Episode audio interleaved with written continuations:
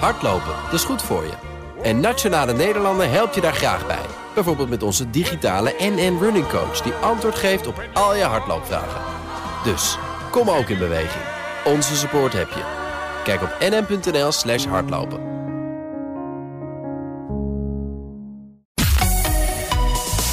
BNR Nieuwsradio. The Big Five. Art Rojakkers. Fijn dat je luistert naar deze laatste Big Five van de coronageneratie. Want de jongeren die hebben het zwaar tijdens deze coronacrisis. Het gezondheidsrisico voor hen is klein. De prijs die ze betalen is hoog. En wanneer deze pandemie ooit voorbij is, zullen vooral zij de gevolgen van de crisis dragen. Waar zitten de problemen precies? En het belangrijkste, waar zitten de oplossingen? Dat onderzoeken we deze week in BNR's Big Five van de coronageneratie. Met vandaag de gast hoogleraar neurocognitieve ontwikkelingspsychologie, Erasmus Universiteit verbonden sinds kort, Evelien Kronen. Uh, sinds mei afgelopen jaar onderzoekt ze wat de coronamaatregelen doen met mentale gesteldheid van jongeren tussen de 10 en de 25 jaar. Goedemorgen. Goedemorgen. Welkom. We beginnen met een paar stellingen. Mag je met ja of nee op reageren? Het puberbrein is het interessantste brein dat er is. Ja. Ja, volmondig ja. De impact van de coronamaatregelen is voor de generatie pubers heftiger dan voor andere generaties. Mm, Nee, niet per se. Ik ben bang dat deze coronageneratie een verloren generatie kan worden. Nee. Ook niet. Nou, toch redelijk optimistisch. Zeker, ja. ja, Uh, je doet dus sinds mei onderzoek naar wat de coronamaatregelen doen met de mentale gesteldheid van jongeren. Hoe, hoe hebben jullie dat onderzoek aangepakt? Um, ja, we, we, doen natuurlijk al twintig jaar onderzoek naar hoe jongeren zich uh, ontwikkelen. En als er dan zo'n pandemie uh, start, ja, dan gaan uh, gelijk mijn hele lab hè, dachten van ja, gaan we nu wachten tot het voorbij is? Of gaan we al ons onderzoek hierop richten? en we hebben dat laatste gedaan. Dus we zijn al onze onderzoeken gaan ombuigen om echt deze effecten te onderzoeken. En hoe moet ik me dat onderzoek voorstellen? Ja, dat doen we op verschillende manieren. Dus enerzijds maken we natuurlijk gebruik met al die, van alle kennis die we hebben over hoe de hersenen zich ontwikkelen. En dat is vooral om bepaalde patronen die je ziet beter te kunnen duiden. Um, maar daarnaast ten tweede ja, gingen we meteen surveys uitzetten van hoe gaat het met die jongeren. En dan Gewoon ook, vragenlijsten eigenlijk. Het zijn vragenlijsten, maar het gaat wel iets verder dan een survey die je bij Nielsuur ziet bijvoorbeeld. Omdat we echt proberen de mechanismen te begrijpen. Mm -hmm. Dus we kijken naar fluctuaties in dagelijkse gevoelens. En ja, het gaat ietsje verder dan een gewone survey. Yeah. Um, en de derde manier is dat we met jongere panels um, samenkomen om te kijken of zij oplossingen kunnen bedenken. Ja, dat doen jullie dus sinds mei afgelopen jaar, dus een maand of tien nu. Ik, wat is te zeggen over de impact van de maatregelen op de groep die jullie onderzoeken? Uh, ik, ik, kan niet zo goed zeggen of het echt de impact van de maatregelen zijn. Maar we kijken meer van hoe gaat het over de tijd. De impact deze... van deze crisis. Ja, precies, van de crisis. Um, en wat we ontdekten in uh, mei, dus is een grootschalig onderzoek bij 900 jongeren uh, tussen ongeveer 8 en 25 jaar. daar ontdekten we dat de jongere groep werd nog niet zo hard geraakt. En de jongere groep is dan tussen de 10 en. Dat zijn zeg maar de middelbare scholieren. Ja. terwijl de twintigers of 18 tot 25-jarigen, die werden eigenlijk meteen al vrij hard geraakt. Dus die waren lager in hun kracht, hoger in hun gevoelens van spanning en depressieve gevoelens. En dit was dus al heel vroeg uh, in de crisis. Vervolgens uh, gaan we ze langere tijd volgen. Uh, en in november zagen we dat die groep 18 tot 25-jarigen het nog steeds heel moeilijk had. maar dat ook de groep middelbare scholieren ook achteruit was gegaan in kracht en toename in spanning. Dus hoe langer de crisis duurt, hoe meer de, de, de, de negatieve gevolgen zich over die hele generatie uitspreiden. Ja, inderdaad. En mogelijk heeft dat te maken met dat er in eerste instantie nog niet veel maatregelen waren voor die jongere groep. Dus die werden eigenlijk nog behoorlijk gespaard. -hmm. En pas toen ontdekt werd dat de um, besmettingen ook bij uh, jongeren tussen 10 en 18 jaar voorkwamen. En daar maatregelen op werden ingesteld. En zien we dat dat effecten heeft op, uh, op hoe de jongeren zich voelen. Nou zei je volmondig ja op die, die stelling dat het puberbrein het interessantste brein is uh, om te, te onderzoeken. Kun je uitleggen aan leken zoals ik wat maatregelen zoals een lockdown of zo'n crisis als dit doet met zo'n puberbrein? Ja, nou, ik ben natuurlijk al buiten een pandemie om ook gefascineerd door de ontwikkeling van de hersenen in die levensfase. Het is super interessant. Uh, en dat moet je eigenlijk zo zien. Is, er wordt al jaren onderzoek gedaan naar die hele vroege leeftijd. Uh, dus echt uh, eh, 0 tot 5 jaar werd altijd gezien als echt de vormende fase. Nou, je, je hebt zelf volgens mij kinderen ja, in die leeftijd. van bijna vier, ja. ja dus ik, ik, is... In mijn voorbereiding kwam ik erachter, ik zat naar wat verhalen van jou te kijken, dat ze over een jaar, als ze vijf zijn, hebben ze de meeste hersencellen van hun hele leven. Ja, Ja, dat is zo. Dat is een hele belangrijke fase. Kijk, voordat je geboren wordt, begint eigenlijk de groei van de hersenen al. En die hersenen die gaan groeien uh, tot je ongeveer een jaar of zes, zeven bent. Dan heb je de meeste hersencellen die je ooit in je leven zult hebben. Dus mijn dochters zijn over een jaar slimmer dan ik. Nou, het is echt heel fascinerend. Ik keek er ook op die manier uh, naar bij mijn eigen kinderen. Denk, hoe is het mogelijk? Dit is het moment, ze zijn een spons. Denk maar aan het leren van een tweede taal... of je kunnen aanpassen aan een nieuwe cultuur. En dat gaat in die, levens, in die leeftijd zoveel makkelijker. Ja. Uh, dus het is uh, ja, echt heel erg bijzonder. Ja. Maar je moet het ook wat zien als... Um, het is eigenlijk een bepaalde groei zonder een richting. Dus soms heb, vergelijk ik het met een groot bos... waar steeds maar bomen worden geplant. En die worden alsmaar nieuw aangeplant... en het geeft steeds meer mogelijkheden om zo'n bos te verkennen. Um, maar we weten pas sinds een jaar of ja, 20 dat die tweede fase, tussen 10 en 20 jaar, wat ik dan de meest fascinerende fase vind, ook een hele belangrijke vormende fase is. Dus niet alleen die vroege leeftijd, maar er is eigenlijk een tweede periode die heel vormend is. Dat je gaat snoeien. En dan wordt er gesnoeid. Dus dan uh, nemen de hersencellen af. Dat stopt ook weer als je een jaar of 25 bent. Dan blijft het stabiel. Um, maar er wordt in gesnoeid. En dan denk je misschien, oh, dat is heel slecht nieuws. Maar dat is toch niet zo. Want die hersenen worden steeds efficiënter. Dus als je weer even aan dat bos denkt. En er staan overal bomen en we gaan daar wegen in aanleggen. En als je een weg veel bewandelt, dan wordt het een ingeslepen weg. En dat wordt misschien wel een vierbaansweg. Je gaat heel snel van A naar B. Dus je kunt ontzettend snel informatie verwerken. Um, maar de kronkelwegentjes die je nog hebt als je tussen 10 en 20 jaar uh, bent, ja, die verdwijnen ook over de tijd. Mm -hmm. Dus je kunt sneller nadenken. Je kunt makkelijker goede oplossingen bedenken als je ouder bent. Ja. Maar die kronkelwegentjes, die eigenlijk een soort creativiteit geven. En die raak je ook weer kwijt. Ja, en terwijl je dus in dat hele proces zit, als puber of als, mm -hmm. als tiener, komt er een lockdown.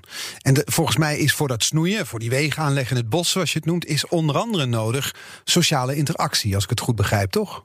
Ja, die hersenen worden gevormd in deze periode van je leven. Uh, en dat heeft weer gevolgen voor uh, hoe je daarna als volwassene zult functioneren. Uh, en daarom wil je eigenlijk het liefst zoveel mogelijk kansen geven, zo, zo rijk mogelijke omgeving aanbieden aan jongeren om zoveel mogelijk te kunnen leren. Dus mensen vragen me ook wel vaak van is het nou zo dat jongeren straks dingen niet meer kunnen? Nou, dat is het denk ik niet. Maar het is meer een bepaalde rijkheid aan ervaringen die je mist als je in een lockdown uh, zit. En dat zal in vergelijking met generaties die niet in zo'n lockdown hebben gezeten, zeker invloed hebben op hoe je, je, ja, hoe je ontwikkelt, hoe je later wordt. Ja, en wat dan die invloed is, daar gaan we nog over hebben. Nog even terug naar die lockdown ziet er dus voor heel veel van ons, van ons en vooral ook dus voor tieners en voor pubers ziet eruit. Ons sociale leven speelt zich online af. We zien elkaar via schermen. Dat is niet genoeg voor een puberbrein om die afstemming te maken waar je het over had? Uh, ja, dat is ook iets wat we nu pas hebben ontdekt. Niet, niet ikzelf, dat is ontdekt door collega's in de Verenigde Staten.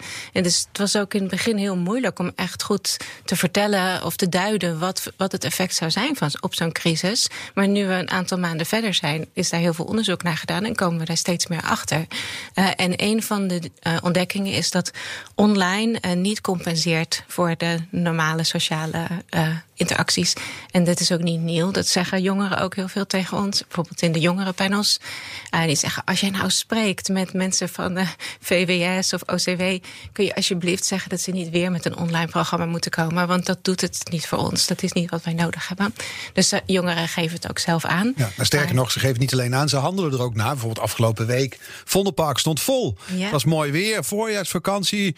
Uh, spontane sociale bijeenkomsten hier in het Vondelpark in Amsterdam. Maar in verschillende steden in Nederland. Mm -hmm. Hoe kijk jij daarnaar als je dus vanuit dat puberbrein redeneert of vanuit dat jonge adolescentenbrein? Ja, uh, kijk, er zit een verschil tussen uh, um, het, ac het, accepteren en het duiden. Hè? Dus ik probeer het te duiden. Mm -hmm. Dat wil niet zeggen dat ik het ermee eens ben ja, wat jongeren doen. Dus dat, dat, even ja. goed uh, erbij gezegd is. maar je, ziet het nu, je hebt het nu een aantal keer gezien. Bijvoorbeeld toen de avondklok werd ingesteld, kwamen er ook wel wat rellen. Mm -hmm. nu wordt het mooi weer en jongeren gaan naar buiten. Dus je ziet wel dat jongeren reageren op wat er eigenlijk gebeurt en daar een uiting aan moeten geven. En we weten weten dat deze levensfase heb je eigenlijk een grotere drive om je omgeving te ontdekken. Dat is maar goed ook, want stel dat dat niet zo zou zijn, dan zou je de rest van je leven bij je ouders blijven wonen. Dat is natuurlijk niet de bedoeling. Er is iets in jouw biologische systeem zo ingesteld dat, dat als je, moet. dat je als je in de puberteit komt, dan moet je erop uit. En dat zien we ook bij dieronderzoek. Ratten doen dat ook. Ratten komen ook in een puberteit. En als ze in een puberteit komen, gaan ze het nest verlaten. Ja, dat is heel onverstandig, want het is heel onveilig. En toch doen ze dat. Hè. Dat is natuurlijk heel erg belangrijk voor de overleving van de Mhm. soort. Dus er zit iets in ons dat als we in die levensfase zitten, dan willen we erop uit. De wereld ontdekken, we zien minder gevaar. En we worden wat meer eigenlijk getriggerd door pleziergevoelens als je iets leuks meemaakt. Ja. En dat is die fase waar de jongeren in zitten. Dus ga je naar een zonnig park. En er hoeft maar iets te gebeuren en je springt daarop in. Ja. Ja. En dan wordt daar heel snel over gezegd: oh, wat een asociaal gedrag. En er wordt schande van gesproken. Maar eigenlijk, als je het vanuit het brein redeneert, Is het heel goed te begrijpen. dan zit er Ja. een logica zelfs ja. in. Ja, en ik vond dat ook bij die rellen wel interessant. Heb ik ook eh, samen met historici eh, gekeken van...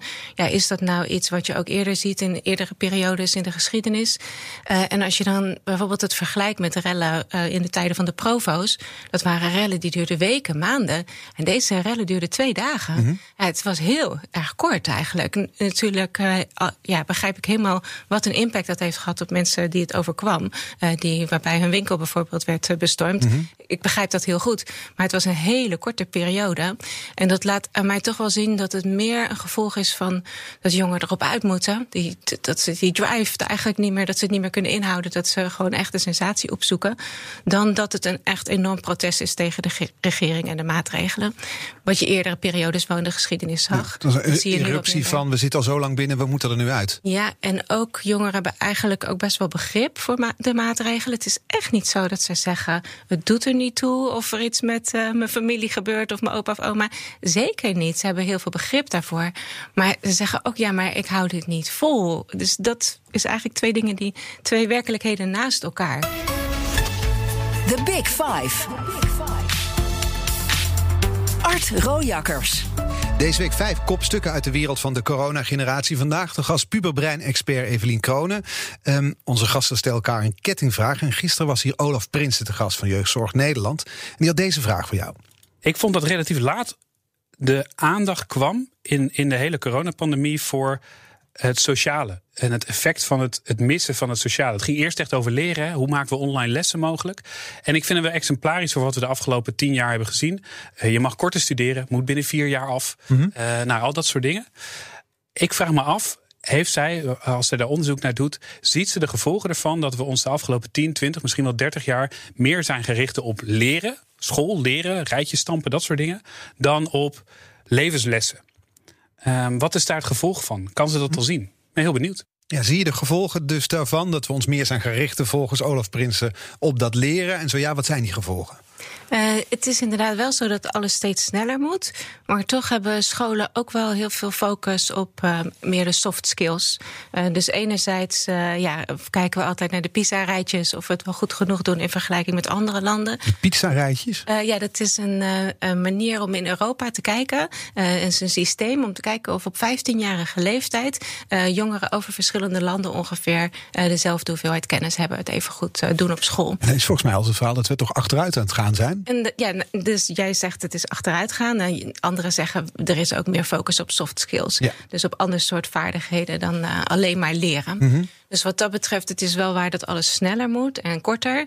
Maar ik geloof niet dat het zo is dat er alleen maar aandacht is voor eh, leren en stampen. Dus die aanname van Olaf Prinsen, daar, ben je het niet mee eens. Nou, ik heb er wel wat vraagtekens bij voor de pandemie. Maar nu in de pandemie vind ik wel echt dat hij een heel erg belangrijk eh, punt maakt. Eh, dat we op dit moment ons vooral bezighouden met hoe kunnen we achterstanden inhalen.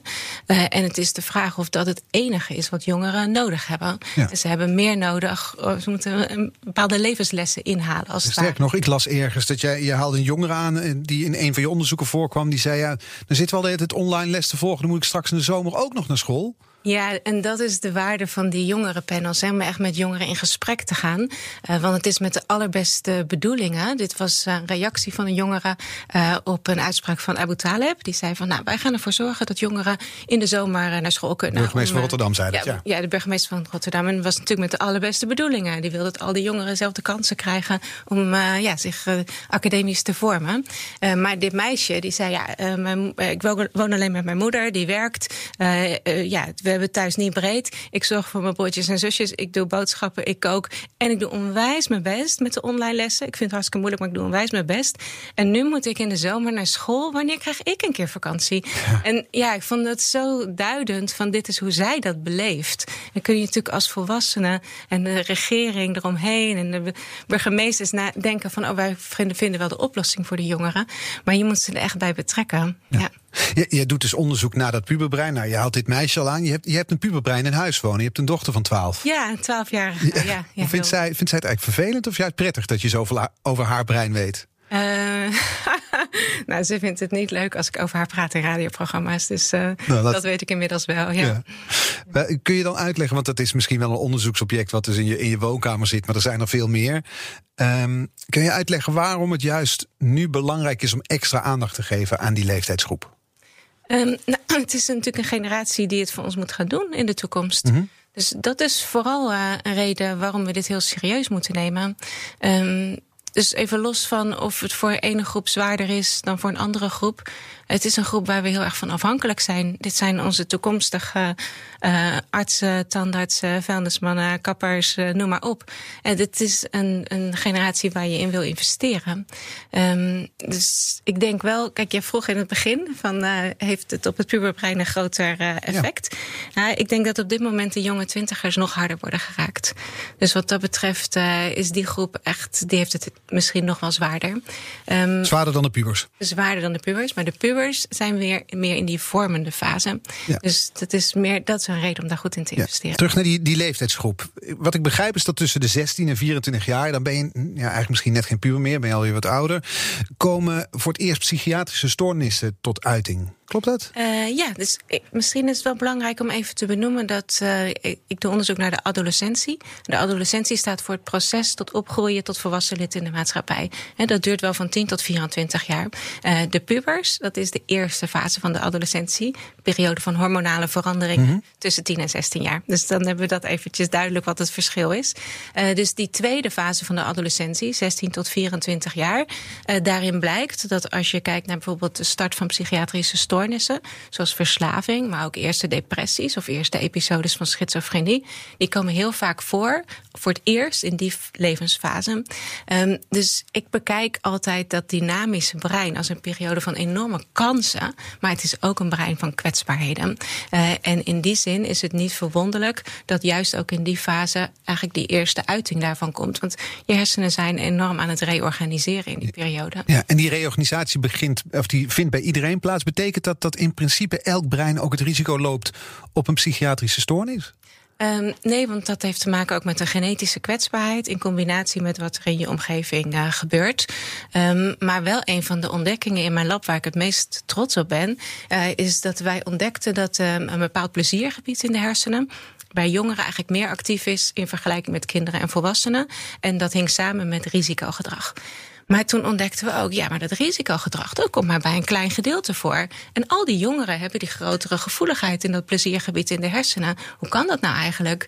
En we ontdekten toen, ja, daar ben ik dus heel trots op, uh, dat het, uh, datzelfde pleziergebied ook betrokken is bij het fijne gevoel van samenwerken of iets doen voor iemand anders. Of een prettig gevoel hebben dat je impact hebt, dat je gezien wordt, dat je gerespecteerd wordt. Al dat soort processen waarvan we eigenlijk al heel lang weten dat dat ook in die tienerjaren heel erg belangrijk is, bleek eigenlijk samen te hangen met datzelfde systeem in de hersenen.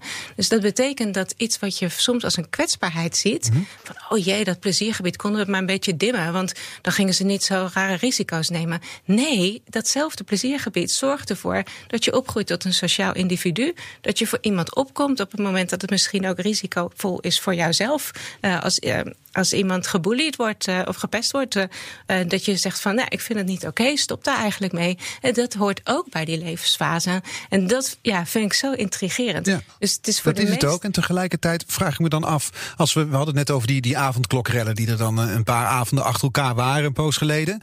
Uh, wat je toen zag was, was, jongeren die erop afgaan. Dat zal ook met dit gebied in de hersenen te maken hebben, dus uh, risicogedrag. Maar er waren ook jongeren die de dag daarna de straten gingen opruimen. Het plein in Eindhoven werd bijvoorbeeld schoongeveegd, ook door jongeren. Is, dan, is dat wat je zegt eigenlijk gewoon dezelfde motivatie? Um, en we weten al heel lang dat ongeveer 10 tot 15 procent van de jongeren komt meer in problemen vanwege risicogedrag dan andere groepen. Dus ook bij rellen zijn bepaalde jongeren zijn daar meer gevoelig voor. Um, maar het zijn inderdaad diezelfde jongeren die in sommige situaties een heel kort lontje kunnen hebben, uh, die misschien wat rebels zijn, uh, die soms ook in combinatie met die met die meer sociale waarden ook het verschil kunnen maken. Dus dat is ook weer een relatief kleine groep die misschien uh, extra rebels is, maar ook iets durft. Dat zijn echt de toekomstige wereldverbeteraars. Dus, ik weet niet of iedereen die railschoppers als toekomstige wereldverbeteraars staat typeren. Nee, dat is dat. Maar ik kan me ook voorstellen, er zitten ook jongeren tussen die, die zitten zo in het nauw. Die zitten al weken op drie hoog achter. Die weten niet meer waar ze hun frustratie kwijt moeten. En als die in een andere situatie zouden zitten. Waarbij, hun, uh, ja, waarbij ze ook hun ding kwijt kunnen, uh, maar gezien worden, gerespecteerd worden, uh, autonomie hebben over waar ze naartoe gaan. En we zijn alle controle kwijt. Dan zou het best wel zo kunnen zijn dat diezelfde jongeren heel erg een verschil kunnen maken op een positieve manier. Ja, nu was het een uiting van machteloosheid en frustratie, maar dat door, door de situatie waarin ze zitten.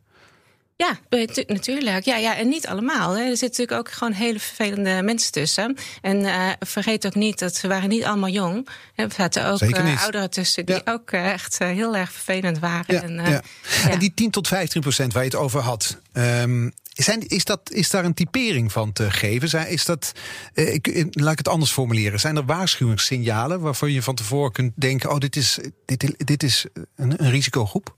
En dat is heel moeilijk. Daar zijn we natuurlijk wel altijd op zoek. Dat is voor, nou, op zoek. Dat is voor mij wetenschappelijk een hele belangrijke vraag. En dat is ook de reden waarom we onderzoek doen waarbij we jongeren over de tijd volgen.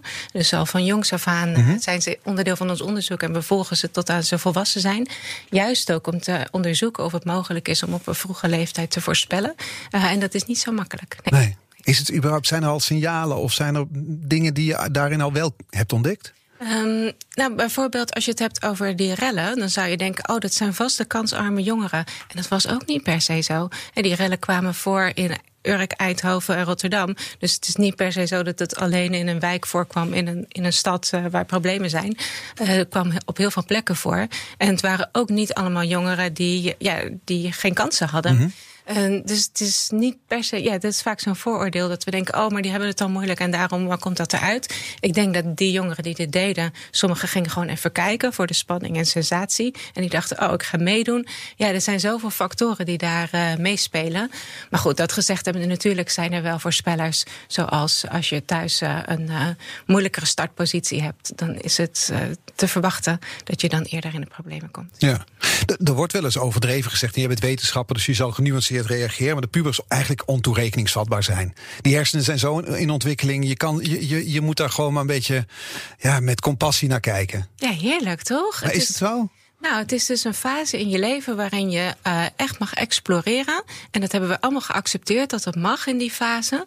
Uh, en waarin je kunt leren en fouten mag maken. En als je bijvoorbeeld wel eens gedrag ziet van jongeren op scholen, daarom heb ik ook zo mega veel respect voor al die leraren die dit allemaal uh, in goede banen leiden. Het is echt niet altijd zo leuk hoe zij zich. Uh, uh, ja, ze bejegend worden. Ja, voor die jongeren die zijn vooral met zichzelf en met de groep bezig. Nou, als wij dat zouden doen op ons werk, dan worden we ontslagen. Ja, dat kan gewoon niet.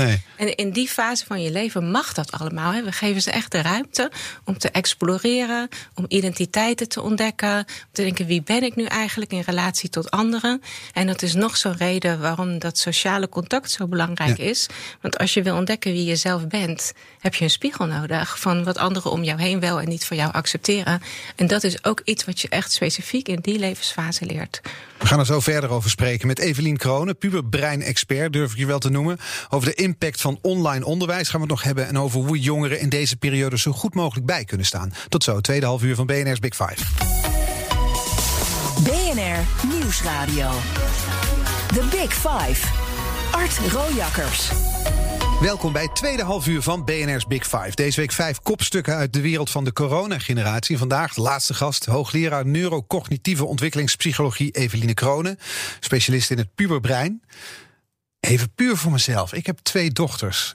Klopt het cliché dat dochters heftiger puberen dan jongens? Nee, klopt niks van. Oh. Nee, geen zorgen. Wel opluchting. Maar als ze met z'n tweeën zijn, dan, eh, Dan wel? is het misschien weer een ander verhaal. Nee, ik maak maar een grapje. Oh, gelukkig maar. Nee, het is toch soms wel het, het stereotype beeld, toch? Dat, dat, dat meisjes er wat meer eh, nou ja, onder te lijden hebben. Ik weet het niet. In ieder geval meer mee te maken hebben met de puberteit. Maar het Nee. uit zich op een andere manier dan. Ik merk wel heel erg als ik bijvoorbeeld lezingen geef, dat dan eh, vertel over pubergedrag. En dat ouders na afloop aan me vragen van. Maar het komt weer terug, toch? Die periode van daarvoor. Hè? Dat, dat, eh, dit is even tijdelijk. En dan denk ik, nee, nee, het komt niet meer terug. Dit was een periode en nu komt er een nieuwe periode. En die is ook weer heel mooi. Maar soms is het voor de ouders heel erg moeilijk om afscheid te nemen van een bepaalde tijd. Van dat lieve kind dat nog wel eens bij je op schoot wilde komen zitten. Ja, geniet er maar van. Ja. is zo voorbij. Ja. We hebben het net in het eerste half uur veel gehad over de sociale gevolgen van deze coronapandemie, de crisis, de maatregelen. Dan wordt er ook eh, veel gesproken natuurlijk over leerachterstanden. Heb jij zicht op hoe groot dat probleem is? Eh, nou, dat kunnen we eigenlijk leren van eerdere crisis. Want eh, we kunnen natuurlijk in de geschiedenis kijken... wat hebben andere crisis gedaan eh, met kansen voor jongeren. Denk maar bijvoorbeeld aan de Katrina-overstroming in New Orleans. Daar is toen heel veel onderzoek gedaan naar wat heeft dat nou voor effect gehad.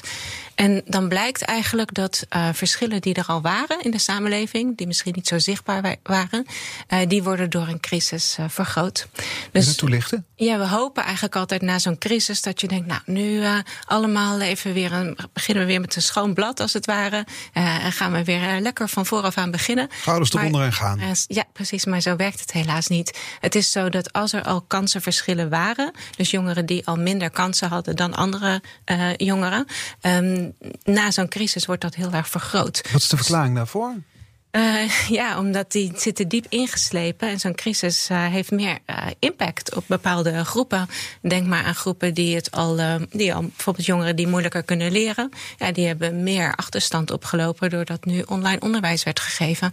Of jongeren die misschien niet zo'n veilige thuisbasis hadden. Ja, dat is niet per se beter geworden in deze crisis.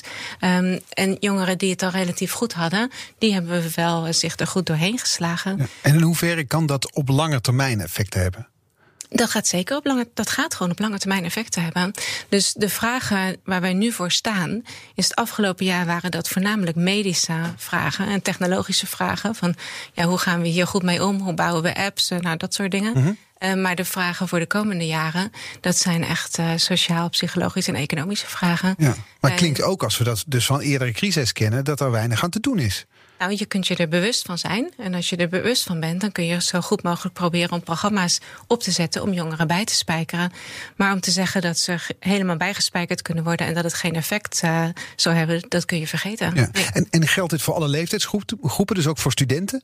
Ehm, ja, Of eh, is het vooral bij middelbare scholieren, basisscholieren waar we het over hebben nu? Oh ja, dat vind ik wel een moeilijke vraag. Dat weet ik eerlijk gezegd niet Nee, precies. Eh, Waar ik het vooral over heb is basisscholen en middelbare scholen. Ja. Wat ik begrijp is dat er sommige leerlingen ook weer juist blijkbaar beter presteren tijdens, de, eh, tijdens dit thuisonderwijs. Ja, er is Ook eigenlijk wonderlijk, was ik om verbaasd. Ja, ja, ja, ik heb een collega, Maaike Bartels, eh, die is hoogleraar aan de VU. En die doet onderzoek juist naar met wie het heel goed gaat. En ongeveer 10 tot 15 procent van de mensen zijn ook gelukkiger in deze crisis dan dat Dan een rotleraar of zo. Ja, het is moeilijk te zeggen soms waarom dat is. Maar sommige eh, jongeren gedijen ook goed bij. eh, bijvoorbeeld, eh, stel dat je het best wel moeilijk vindt om vrienden te maken. Nou, dan is dit een periode waarin ze goed eh, gedijen. Mhm. Maar het punt is, deze periode gaat weer voorbij. En dan zullen ze toch weer moeten leren om vrienden te maken. Ja. Dus ten- wat nu misschien voor hun prettig en veilig voelt. Later moeten ze toch weer eh, dealen met de uitdagingen die horen bij een complexe maatschappij. Snap ik. En tegelijkertijd dacht ik, kijken we dan, kijken we dan misschien te veel naar dat online onderwijs nu als een probleem? Eh, nou, mooi dat je dat zegt. Want eh, we willen lessen leren, ook uit deze crisis. Dus we willen lessen leren over wat er niet goed was eh, en wat er, wel, wat er wel goed is gegaan.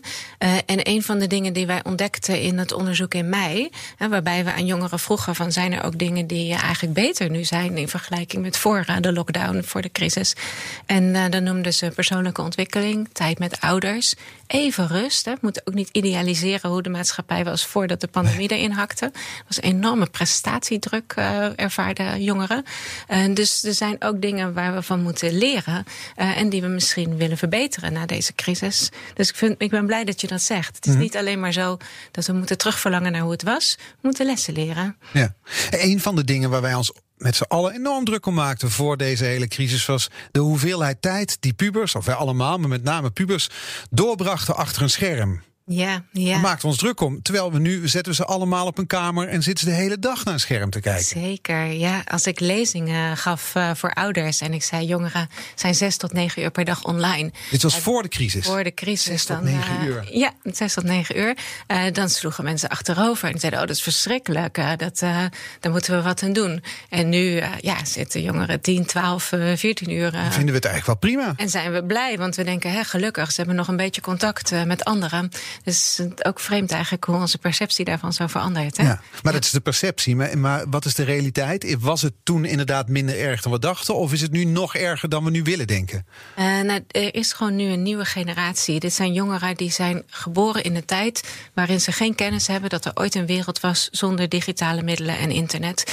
Uh, en je kunt daar van de gevaren zien, maar je kunt ook natuurlijk heel goed de kansen zien. Want jongeren zijn inclusiever, denken meer aan het belang van anderen. Het is in tegenstelling tot wat mensen vaak denken, dat een digitale generatie uh, meer op zichzelf gericht is, blijkt juist dat deze jongeren veel inclusiever zijn. En een mogelijke verklaring is omdat ze eigenlijk met iedereen over de hele wereld, ongeacht plaats of tijd, in contact kunnen zijn.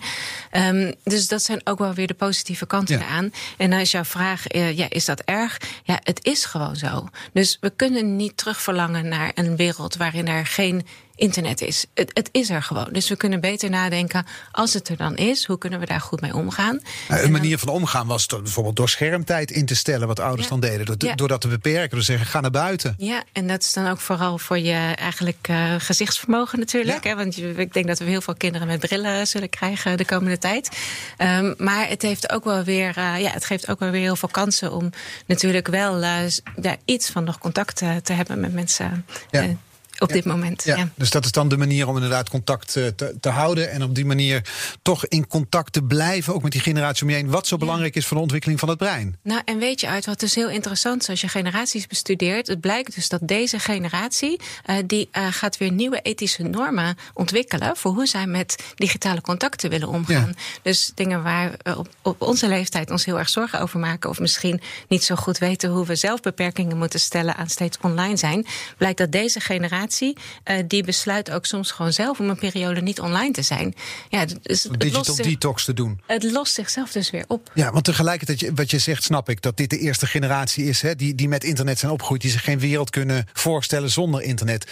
Maar als je het biologisch bekijkt, zo snel evolueren we ook weer niet. Hun hersenen zijn fysiek niet anders dan die van jou en mij. Ja, ze zijn iets verser, maar dat was het dan ook wel. Ja, maar zij hebben natuurlijk wel, ze zijn door een bepaalde vormende fase heen gegaan, waarbij ze wel al die input hebben gekregen die wij niet hebben gekregen gekregen uh, toen, uh, ja, toen wij tussen de 10 en de 20 waren. Ja.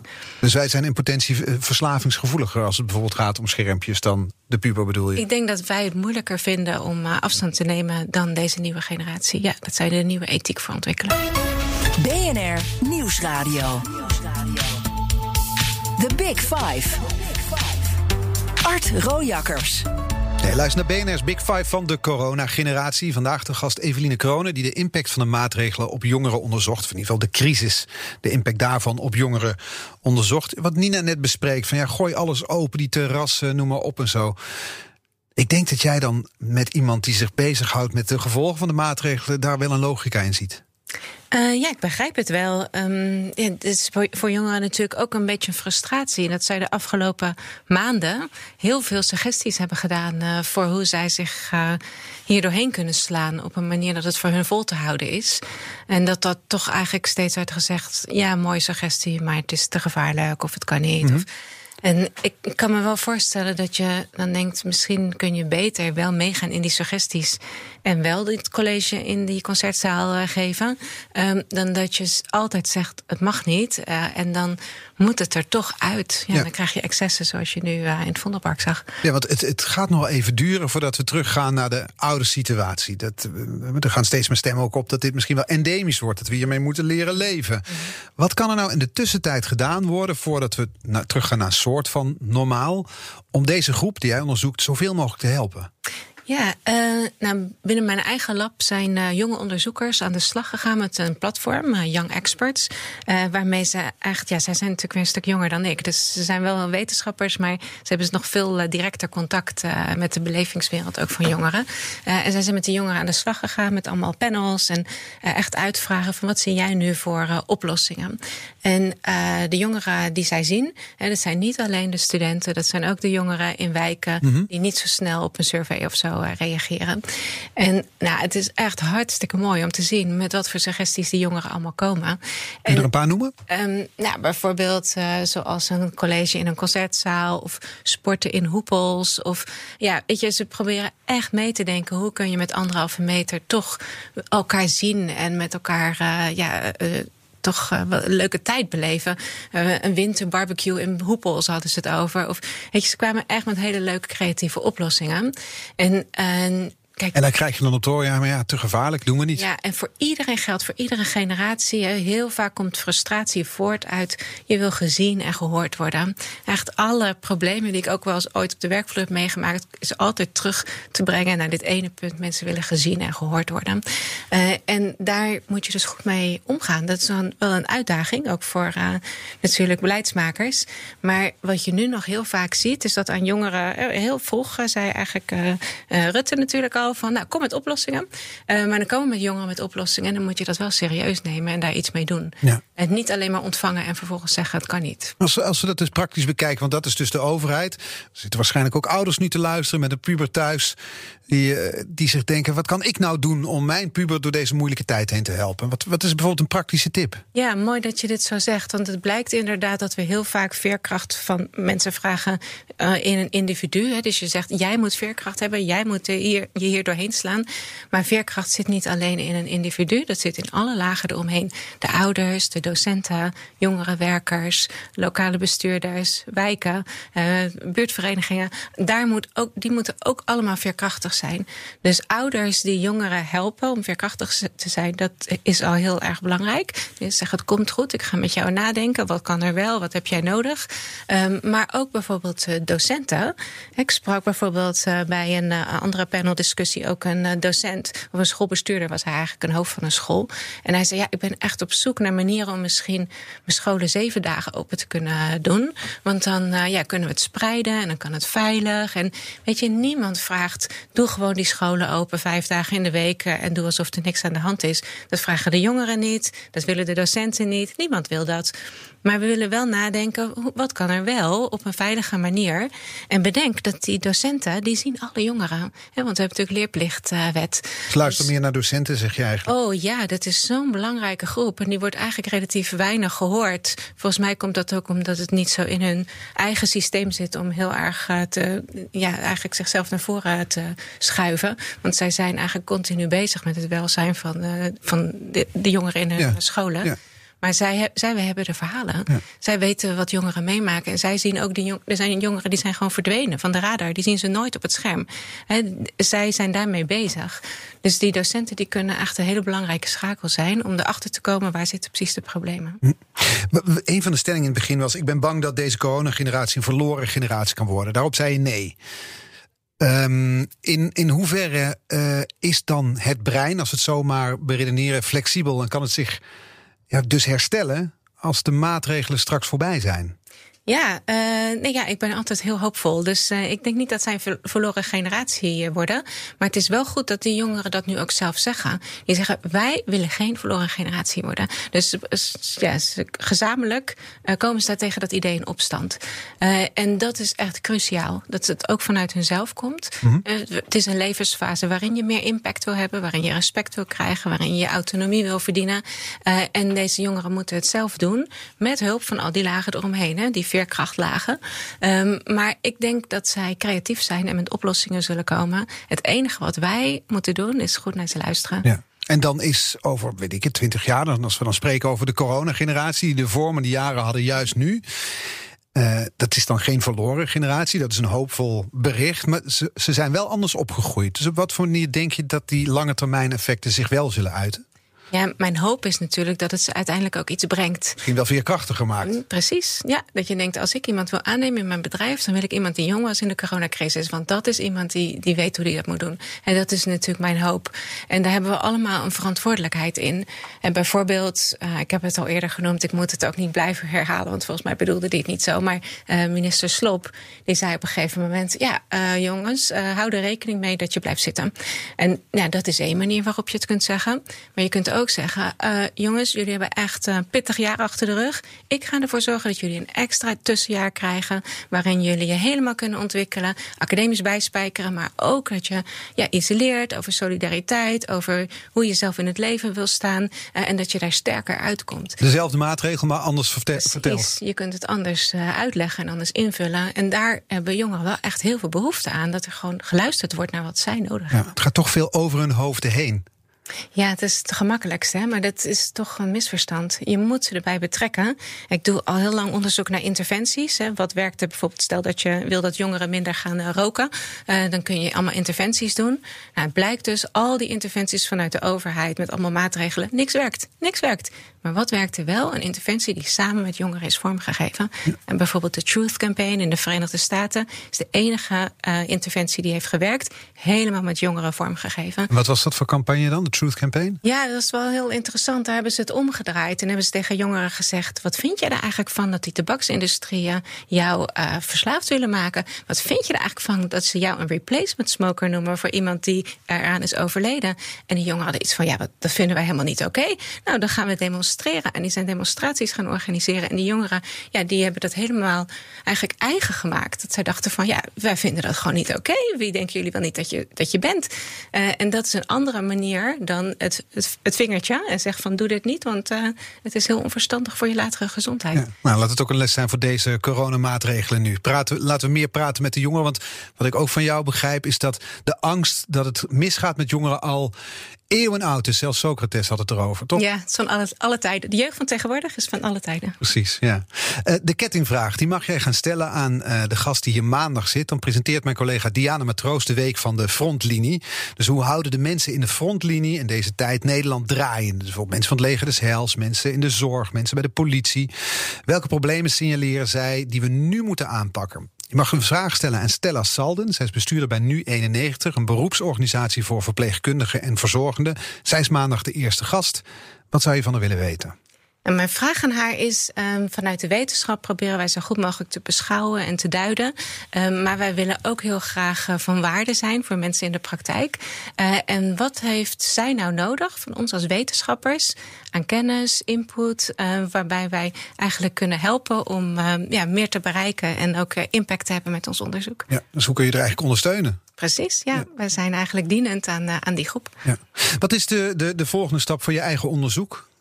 Um, ja, wij houden ons nu veel bezig met hoe jongeren anderen helpen. Dus eigenlijk de positieve kant, die vaak wat onderbelicht is, maar die ook heel erg uh, belangrijk is in, uh, in deze levensfase tussen 10 en 25 jaar. Uh, en of als je iemand anders helpt, of dat jou ook een prettig gevoel geeft. Um, dus dat onderzoeken we in de hersenen, maar ook in daadwerkelijk hoe dat wordt gedaan in de praktijk. En in de coronacrisis is dat natuurlijk belangrijker dan ooit. Ja, ja. Want het, eigenlijk zijn die jongeren ons allemaal aan het helpen, puur alleen al door op een kamer te blijven. Ja, ze zijn door solidair te zijn ons aan het helpen. Maar er is ook een groep die zich heel erg inzet voor uh, ja, bijvoorbeeld steun geven aan anderen, aan leeftijdsgenoten die het moeilijk hebben. Uh, en die groep vind ik heel erg interessant. En ik ben dan nog steeds geïntrigeerd in die samenkomst met het rebelse gedrag. Ja. Of de rebelse jongeren ook degene zijn die hier een groot verschil maken. Ik wens je er veel succes mee en, en dank voor dank je, je komst vandaag en voor de interessante woorden over die, uh, die coronageneratie en de puberbreinen. Evelien Kronen was de gast vandaag in BNR's Big Five van de coronageneratie. Uh, alle afleveringen van deze week zijn terug te luisteren. De podcast is te vinden in de BNR-app en op bnr.nl. Dag. Hardlopen, dat is goed voor je. En Nationale Nederlanden helpt je daar graag bij. Bijvoorbeeld met onze digitale NN Running Coach... die antwoord geeft op al je hardloopvragen. Dus, kom ook in beweging. Onze support heb je. Kijk op nm.nl slash hardlopen.